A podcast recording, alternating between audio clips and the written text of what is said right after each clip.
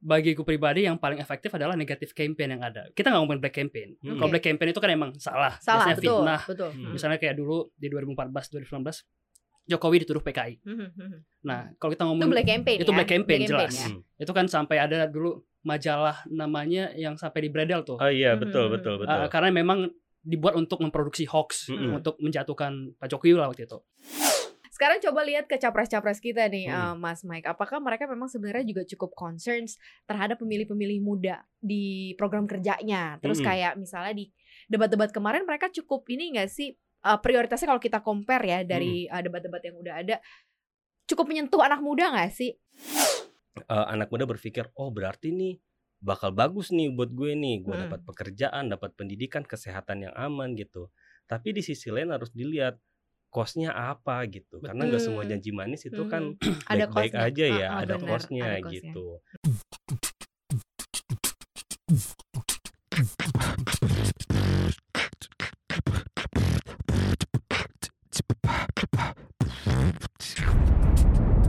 Cuap-cuap cuan.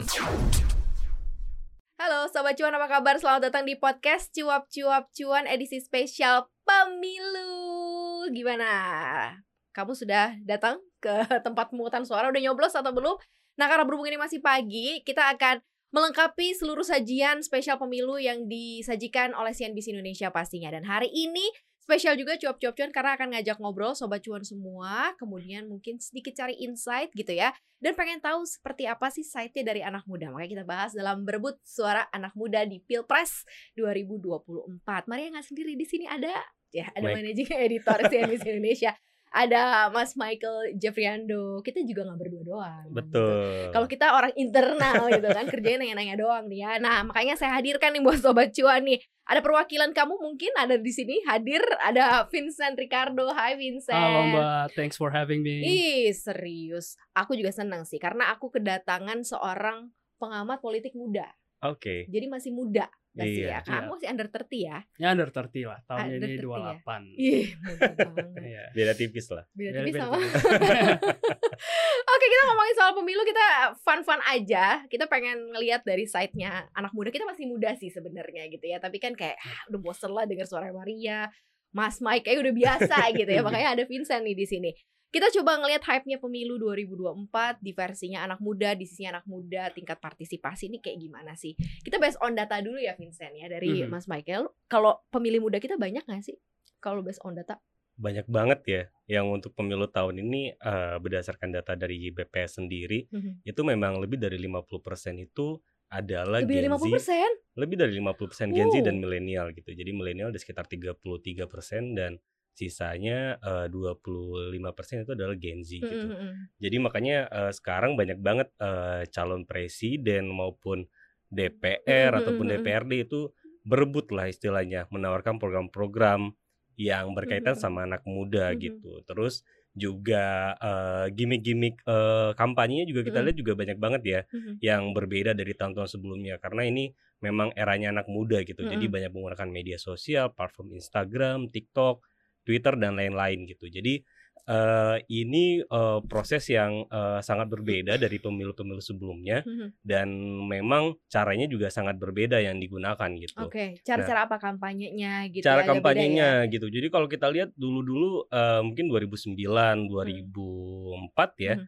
2014 itu kan masih banyak tuh yang eh, main di stadion, Mhm, mhm. eh, lapangan bola, dangdutan segala bener. Macam. ya? Iya, sekarang kan Sekarang udah enggak eh, ya? rada sepi gitu. Mhm, Banyak mhm. atribut di jalanan ya lumayan lah gitu, tapi tidak sesignifikan sebelumnya. Sekarang lebih banyak main di media sosial, melibatkan eh, beberapa influencer ataupun tokoh-tokoh muda yang eh, bisa menggait eh, pemilih gitu. Mhm, Karena mhm. Gen Z aja ini rata-rata umurnya sekarang di 17 ya, 17, 17 sampai sampai 2 26 ya? 27 tahun, tahun ini ya. berarti. Ya, karena Iya, kan itu kan Gen Z kan di bawah saya setahun. Saya Iya. milenial Kamu nyerempet. nyerempet ya? Iya dan eh, milenial di atasnya gitu kan. Jadi emang eh, adalah kaum kaum produktif yang memang eh, akan menjadi penentu nasib Mhm. Indonesia ke depan. Oke, eh, itu dari data. Ini dari data Hmm. CNBC Indonesia ya. Kalau eh, Vincent sendiri sebagai anak muda, lumayan ini nggak sih eh, tertarik nggak sih dengan campaign-campaign yang ada? Bukan tertarik ya, kayak oh terasa nih bisa memilih nih karena cara campaign lo gitu atau kayak ah old school banget sih gitu cara campaignnya atau justru karena media sosial jauh lebih atraktif jadi ya lebih senang mungkin caleg-caleg yang di media sosial yang lebih ramai atau capres-capres yang lebih ramai di medsos. Em, kalau kita ngomongin strategi kampanye yang ada di tahun 2024 Mm-mm. menargetkan anak-anak muda, pastinya ada begitu banyak cara ya bagaimana mereka bukan cuman capres doang, Mm-mm. tapi kan ini kan ada caleg juga. Di di hari ini kan kita bukan hanya memilih calon presiden, Mm-mm, tapi juga mm-mm. memilih calon legislatif Mm-mm. juga legislatifnya juga di DPR, DPRD juga DPD. Ya ada berbagai macam konten yang cukup menarik gitu dan memang alokasi dananya yang mereka em, kontorkan di sana memang lumayan besar dan Hmm. kita bisa lihat itu ada di Meta Adlibs. Sebenarnya Hmm. itu kan Oh ada ya? ada di Meta Adlibs. Meta Kelihatan Adlibs. ya? Berapa bisa sih? kelihatan. Berapa sih? Ah, ada macam-macam ya. Saya nggak tahu saya bisa nyebut nama atau enggak, tapi itu kan terbuka di publik. Hmm. Kenapa? Karena di tahun 2019, 2018 kemarin em, ya pokoknya di presidential electionnya Amerika waktu itu kan sempat ada skandal Hmm, hmm, hmm. yang eh, ke- analitika kemarin itu Hmm, di mana ada penggunaan dan eh, data pribadi hmm, hmm, hmm. yang dianggap melanggar privacy dan segala macamnya lah, dianggap melanggar ethics dan segala macam. Semenjak itu Facebook mengeluarkan policy kalau adlibs itu harus dibuka buat publik. Oke. Jadi semua calon peserta kampanye di seluruh dunia seluruh dia bisa betul kelihatan. harus di sana harus konfirmasi data dulu, Mhm. konfirmasi ID. Kemudian setelah konfirmasi ID mereka harus buat disclaimer. Hmm, hmm, hmm. Nah, dan akhirnya itu dimanfaatkan oleh caleg-caleg ini. Sebenarnya kalau kita lihat di data Meta Adlibs itu paling besar pengeluaran itu dikeluarkan oleh Prabowo Subianto. Hmm, itu ada oke. datanya di nomor publik. 02 Hmm, ya. nomor Hmm, 02. hmm, hmm. Dan kemudian kalau caleg salah satu paling besar kalau nggak salah Erwin Aksa. Hmm, Jadi spending caleg-caleg ini kalau kita lihat by data Hmm. memang gede sekali di sana. Hmm. Tapi ini data publik ya. Iya, Saya nggak iya, ngomong iya. ini sesuatu yang sifatnya privat. tapi tapi teman Gitu. kamu banyak nggak yang nyalek? Maksudnya teman-teman anak muda gitu, anak muda ada ada. Saya kamu. punya teman di Fakultas Hukum UI itu lagi nyalek DPRD.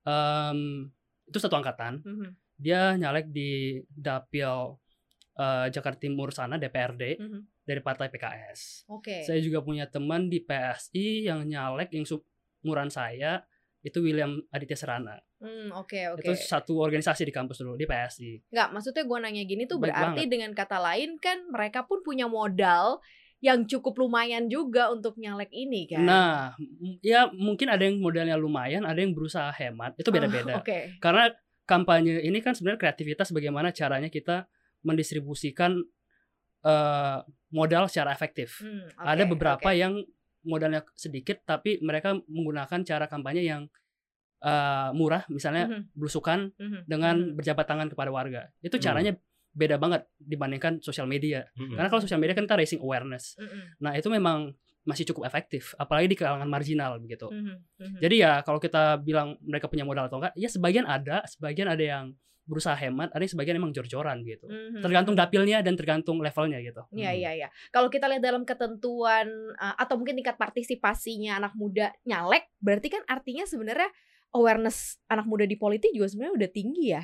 Ya nggak sih, Mas Mike? Artinya kan mereka mereka nyalek loh. Mm-mm. Kan kita berharap juga pemilihnya yang muda-muda juga milih dong gitu betul kan. betul. Ini seperti apa? Akan cukup berkorelasi nggak sih mereka yang memang akan terjun ke politik secara langsung Mm-mm. dan mereka yang memang kita butuhkan partisipasinya dalam suara uh, tahun ini gitu ya, baik pileg ataupun pilpres. Iya, keterlibatan anak muda itu kan eh, akan pastinya berdampak gitu ya Mhm. minimal untuk generasinya gitu. Ketika melihat lo ada loh orang seumuran saya di sana gitu Mhm. yang ikut eh, berkontestasi gitu Mhm. kan untuk eh, DPR ataupun eh, DPRD gitu. Nah, itu kan akan membawa eh, animo tersendiri buat mereka. Mhm. Oh, berarti ini udah eranya beda nih gitu. Mhm, Jadi mhm, kalau mhm. seandainya dia ngomongin beberapa tahun lalu saya milihnya orang yang tua-tua Ya, ya, terus, ya, sekarang ya, ya. ada anak muda yang lebih Mhm. fresh yang diharapkan tentu punya ide-ide yang lebih cemerlang gitu dan Mhm, eh, bisa eh, cocok gitu sama generasinya. mhm, Jadi kalau seandainya dia eh, tahu sekarang anak muda butuh apa sih? Oh, butuh pekerjaan gitu. mhm, Mhm. Maka mungkin dia akan mengeluarkan ide yang berkaitan dengan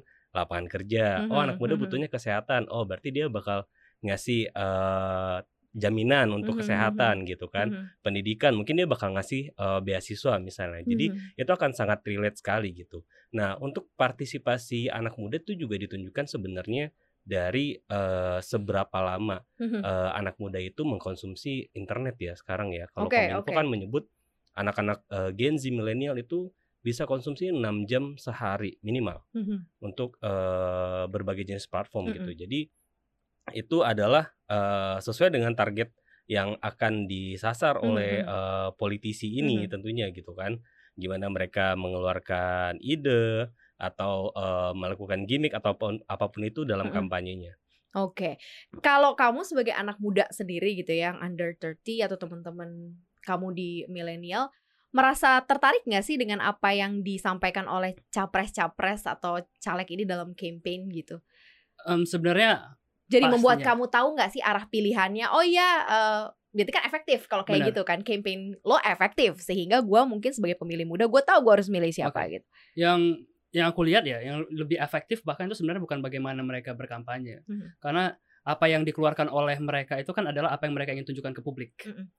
bagiku pribadi yang paling efektif adalah negatif campaign yang ada kita nggak ngomongin black campaign Hmm. kalau black campaign itu kan emang salah, Salah, biasanya betul, fitnah betul. Hmm. misalnya kayak dulu di 2014 2019 Jokowi dituduh PKI Mhm, mhm. nah kalau kita Itu ngomong black campaign itu ya? black campaign, jelas. ya? Hmm. itu kan sampai ada dulu majalah namanya yang sampai di Bredel tuh Oh iya Mhm. betul betul betul. Uh, karena memang dibuat untuk memproduksi hoax Mm-mm. untuk menjatuhkan Pak Jokowi lah waktu itu. Mm-mm. Nah itu jelas. Cuman negatif campaign ini dalam artian menunjukkan sisi real yang mereka tidak ingin tunjukkan. Misalnya beberapa kondisi yang mereka terlihat capek tapi jadinya kelihatan arogan dan segala macam.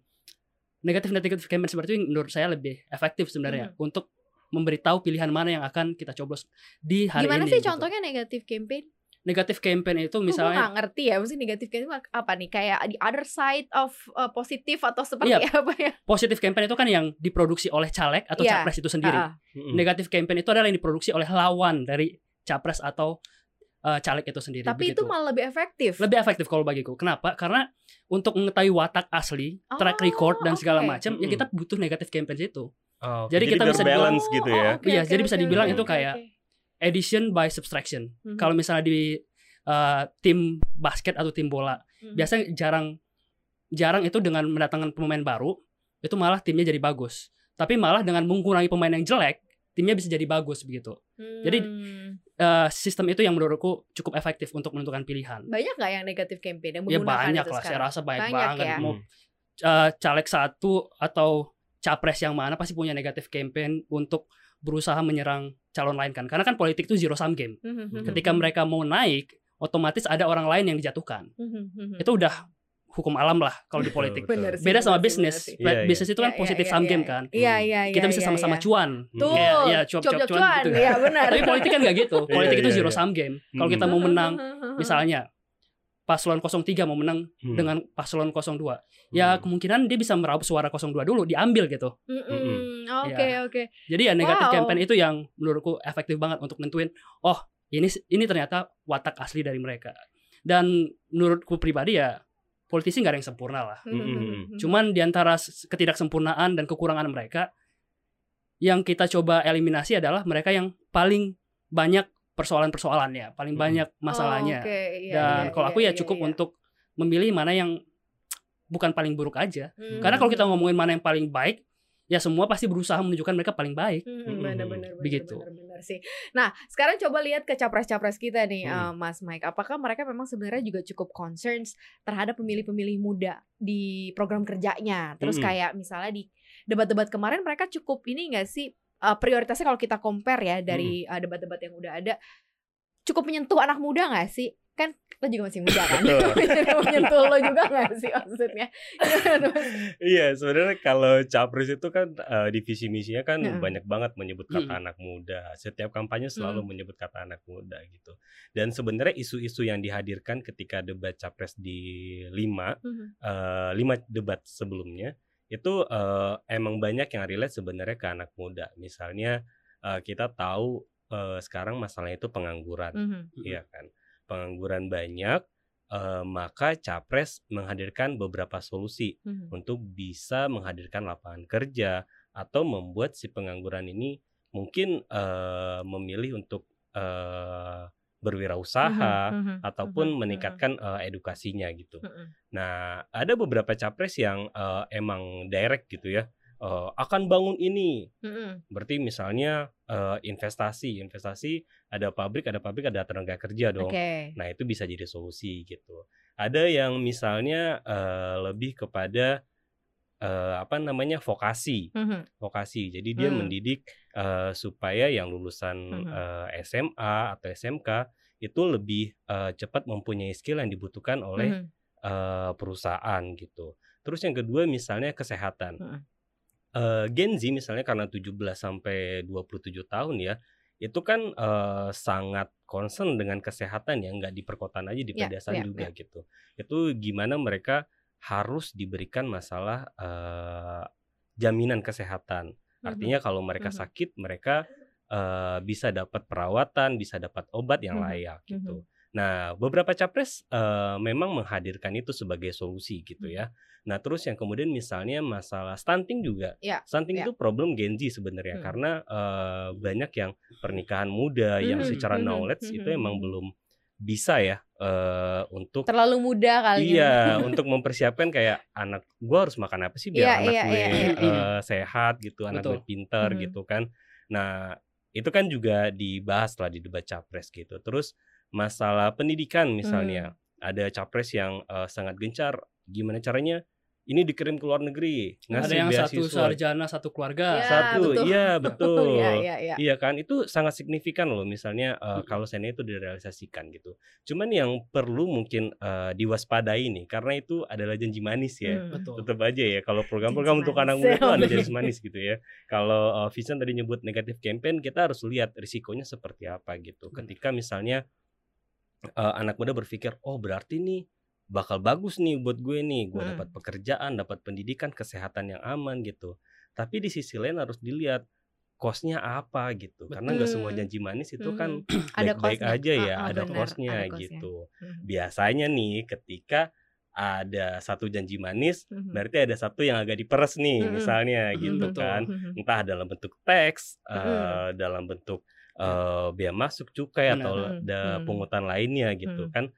Jadi biar eh, budget itu seimbang gitu. Jadi anak muda eh, bener kata Vincent tadi selain positif campaign, negatif campaign ini ternyata juga penting gitu biar balance. Ya, ya, Biar ya, informasi ya, yang ya. diterima itu nggak Benar. cuma sepotong-sepotong. Karena kalau ngomongin janji manis doang, pasti ujung-ujungnya ya mereka janjiin oh bakal ada program A, program B, program C, Mhm. program D. Tapi belum ada satupun dari paslon ini yang ngomongin pembiayaannya dari mana. Ya, Iya. anggaran memang tidak Benar. terlalu dideklar sih dengan Ada janji-janji ada manis beberapa itu. yang ngomong oh kebijakan ini nanti dinaik eh, naikin pajak 100 orang terkaya. Mhm. Ada yang ngomong juga naikin pajak UMKM, ada yang Mhm. naikin pajak macem-macem gitu. Mhm.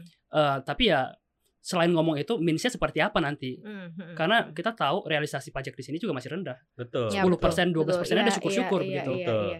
Nah, jadi ya ujung-ujungnya ketika mereka oh ada sesuatu yang gratis. Hmm. yang gratis itu pasti ada yang biayain gitu. Entah Kalau gratis-gratis gitu menarik nggak sih buat anak muda? Wah nanti kita akan ini gratis, gratis. kalau dibilang anak muda karena saya nggak bisa mewakili anak muda semua juga ya Mhm, karena mhm. beda-beda golongan. ke kamu deh masuk nggak sih? Kalau saya pribadi mungkin enggak ya karena Oke. saya di kalangan mungkin yang bisa dibilang cukup beruntung Mhm, secara mhm, ekonomi, mhm, privilege lah dan segala macam.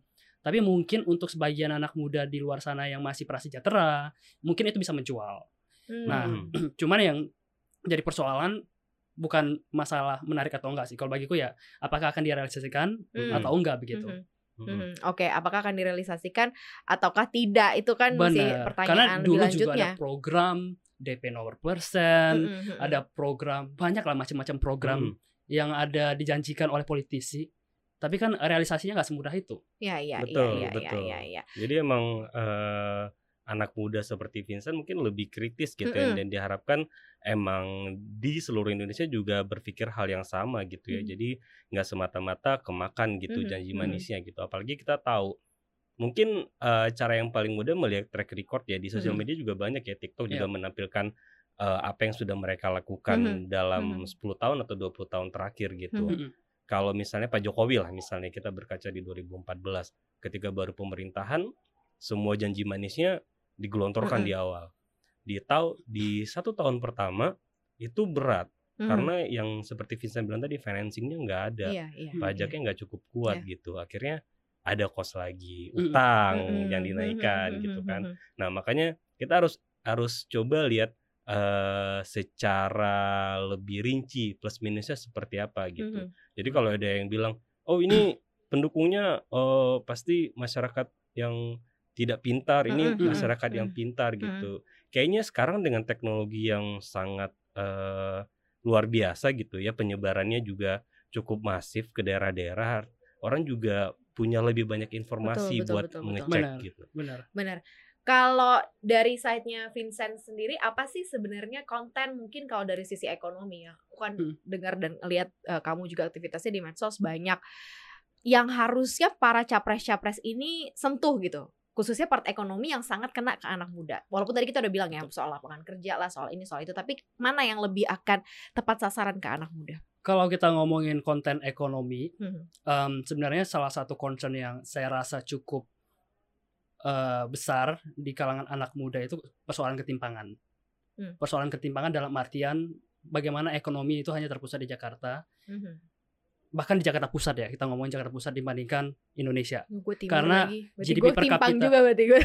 Nggak, gue timpang. Karena GDP per kapita Jakarta Pusat itu 54.000 US dollar. Ya, Betul. iya, Jakarta iya, Pusat. betul, Betul. Sedangkan Indonesia secara keseluruhan cuma 4.000 dolar. Iya. Berarti satu Iya. banding berapa? Banding 13 kurang lebih. Satu banding 13. Jadi ada perbedaan taraf hidup, ada perbedaan kualitas hidup Mhm. dari ekonomi yang berbeda sekali itu. Dan ini ada juga risetnya Prof Ansori, guru Mhm. besar ekonomi FE Unpad. Mhm. Itu kan men- menunjukkan kalau orang-orang Indonesia yang spendingnya per individunya 6 juta atau per keluarga ki- kira-kira 24 juta, itu Mhm. udah masuk top 1%. Mm-mm. Ya, top Ya mungkin di 1%, sini di. Jakarta Selatan atau Jakarta Pusat orang heran, wah duit segitu buat apaan? Bayar apartemen aja udah 15 Betul, juta, berkeluarga, Mm-mm. belum lagi makan dan segala macam, keluarga spending 20 juta ya biasa aja di sini kan. Mm-mm. Tapi ya kenyataannya di luar sana masih banyak yang penghasilan hariannya cuma satu setengah juta, 2 juta per bulan, Mm-mm. Mm-mm. penghasilan bulanan sorry, Mhm. cuman segitu. Jadi persoalan itu seharusnya jadi concern yang diambil siapa pun paslon kemudian hari nanti gitu. Karena Mhm. kalau ekonomi cuma terpusat di Jakarta, no wonder why orang-orang pada lari ke sini iya, gitu. benar benar benar. Ya, benar. tapi so- selain persoalan ekonomi, ya ekonomi itu kan juga berkaitan dengan hukum. betul. Mm-mm. Penegakan hukum yang baik, penegakan hukum yang tidak serampangan, penyelenggaraan hukum itu lah yang ngebuat ekonomi kan jadi mandek juga kan. Mhm. Maksudnya investor juga males masuk ke sini karena Mm-mm. kepastian hukum gak jelas, bisa digangguin Hmm. sama oknum-oknum tertentu. Jadi ya kalau saya pribadi kan tadi ngomongin tuh negative campaign. Mhm. Eh, jadi edition by, edition by subsection. Kalau saya ya nggak memilih orang-orang yang tadi tuh nggak memulikan, nggak memedulikan isu ketimpangan, Mhm. nggak memedulikan persoalan penyelewengan hukum, Oke. penggunaan aparat hukum yang Mhm, mhm, mhm. semena-mena dan segala macamnya begitu. Mhm. Kalau saya sih itu sih concernnya. Mhm. Oke, itu sebagai concerns kamu untuk memilih caleg atau capres gitu Betul, ya. Kamu betul. pilih yang muda juga atau yang udah berpengalaman? Bagi Kira-kira. saya muda dan tua itu persoalan bukan cuman umur, Mhm. tapi juga tata cara berkomunikasi, Mhm. tata cara uh, menyampaikan suatu opini atau tata cara menanggapi persoalan. Karena Mhm. kalau kita ngomongin muda, generasi Gen Z, uh, milenial, kan banyak juga segmentasinya. Mm-mm. Ada yang muda tapi fasis, ada yang muda tapi demokratis. Ya beda-beda juga kan. Ngeri juga ya. Iya, pasti pasti Betul, pasti dong. betul, betul. Jadi ya kalau saya lihat ya ujung-ujungnya karena nilai yang saya pegang saya cenderung demokratis, liberal atau sekuler dan segala macam, ya pasti saya akan cenderung memilih seperti itu. Walaupun nggak menutup kemungkinan, misal kayak teman saya yang konservatif di partai PKS, ya saya juga tetap mendukung dia. Mhm. Karena di antara konservatif yang lain, dia yang cukup terbuka untuk menerima saya begitu. Oh, oke. Nah, oke, jadi ya, oke, oke, Ada spektrum yang kita harus pertimbangkan juga di Mhm. sana. Mhm. Cuman kan kita keseringan narik spektrum yang oh ekstrim sama ekstrim bertentangkan iya, kan nggak iya, gitu iya. juga gitu kayak muda Oke. versus yang tua Iya, iya. padahal yang tua pun juga ada yang mungkin lebih dekat ke pemilih muda betul, dan betul. yang tua juga ada yang terlalu jauh dengan pemilih muda juga Hmm. Ya, Mhm. tapi ya memang ada kecenderungan tiap generasi itu kan punya sifat yang beda-beda ya Mhm. misalnya kecenderungan oh yang tua pemikiran masih lebih kolot dibandingkan yang muda karena exposure informasi dan segala macam ya tapi pada akhirnya ya kolaborasi antara yang muda dan tua dengan Hmm. spektrum ideologi tertentu tadi yang kita butuhkan begitu Oke, ada ada pernah data nggak sih, Mas Mike? eh, kira-kira si muda-muda ini akan memilih yang muda, ataukah dia akan memilih yang lebih pengalaman, atau dia akan memilih pilihan bapaknya? Papa pilih apa? Enggak, aku coblos yang sama juga gitu. Oke. Pilihan bapaknya atau Oke. Atau apa? Apa Iya, iya. ada bisik-bisik. Tadi ngomongin bapak, saya agak-agak was-was gitu. Oh iya benar benar benar. Bapak yang mana ini? Oh, bapak yang mana ya? Iya, iya, iya, iya. Gimana Mas Mike? Ada pernah datang gak sih mereka tuh bahkan happy mungkin ah, teman-teman seusia Vincent 27 28 mungkin ada 26 gitu ya yang udah Hmm. mengajukan waktu itu sempat juga gue lihat ada yang lebih muda bahkan dari itu ya baru lulus kuliah atau apa dia 23 24 tahun udah Betul. nyalek gitu. Apakah mereka juga akan memilih. Teman-teman sebayanya mereka atau mereka justru lebih percaya ah nggak sama yang apa namanya yang lebih berpengalaman deh Iya, kalau dari beberapa survei yang ada, eh, sebenarnya kecenderungan eh, apa namanya kecenderungan anak muda untuk berpartisipasi dalam politik sekarang sangat tinggi. Mhm. Kecenderungan anak muda untuk terlibat memilih juga sangat besar gitu.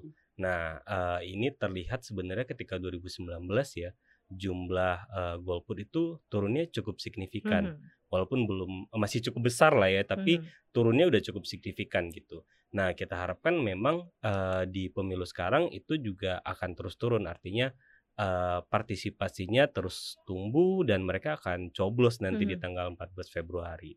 Nah, cuman kalau kecenderungan mereka akan memilih sama yang eh, muda atau yang, yang muda. pengalaman gitu.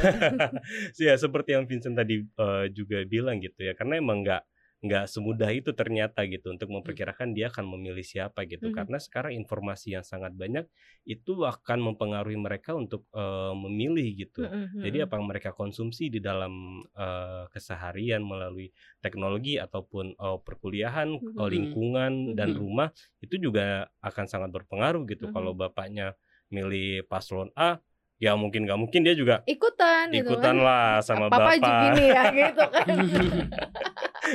kan agak jarang gitu Iya, iya, misalnya iya, iya. gitu ya jadi eh, emang sikap kritis anak muda sekarang itu eh pacut eh, pacut patut patut diacungi jempol itu Mhm. maksudnya jadi eh, kita lihat juga sekarang eh, banyak anak muda yang eh, terlibat ya seperti eh, misalnya kayak di eh, eventnya eh, Prof Mahfud itu juga Mhm. banyak anak muda yang hadir ya yang Mhm. disiarkan di platform Ya, YouTube tabrak Prof, kemudian Tabrak juga ada programnya. Nabrak Prof, desak Anis. Desak ya. Desak Anis, Anis ya. itu juga Iya. banyak anak muda yang terlibat yang Benar. ternyata eh, kalau kita pikir-pikir kayaknya gue umur segitu nggak mikirin transisi energi Mm, deh. Iya, iya. Kayaknya gue umur segitu nggak mikirin perubahan iklim gitu ya atau mm, mm. mikirin misalnya eh, nikel apalagi gitu Mm, ya atau mikirin soal market gitu kayaknya usia segitu Enggak eh, kayak nggak kepikiran gitu ya. Tapi Iya, iya, ternyata eh, mereka yang anak-anak kuliahan atau yang baru mulai kerja itu eh, pertanyaan-pertanyaannya bagus-bagus loh gitu yang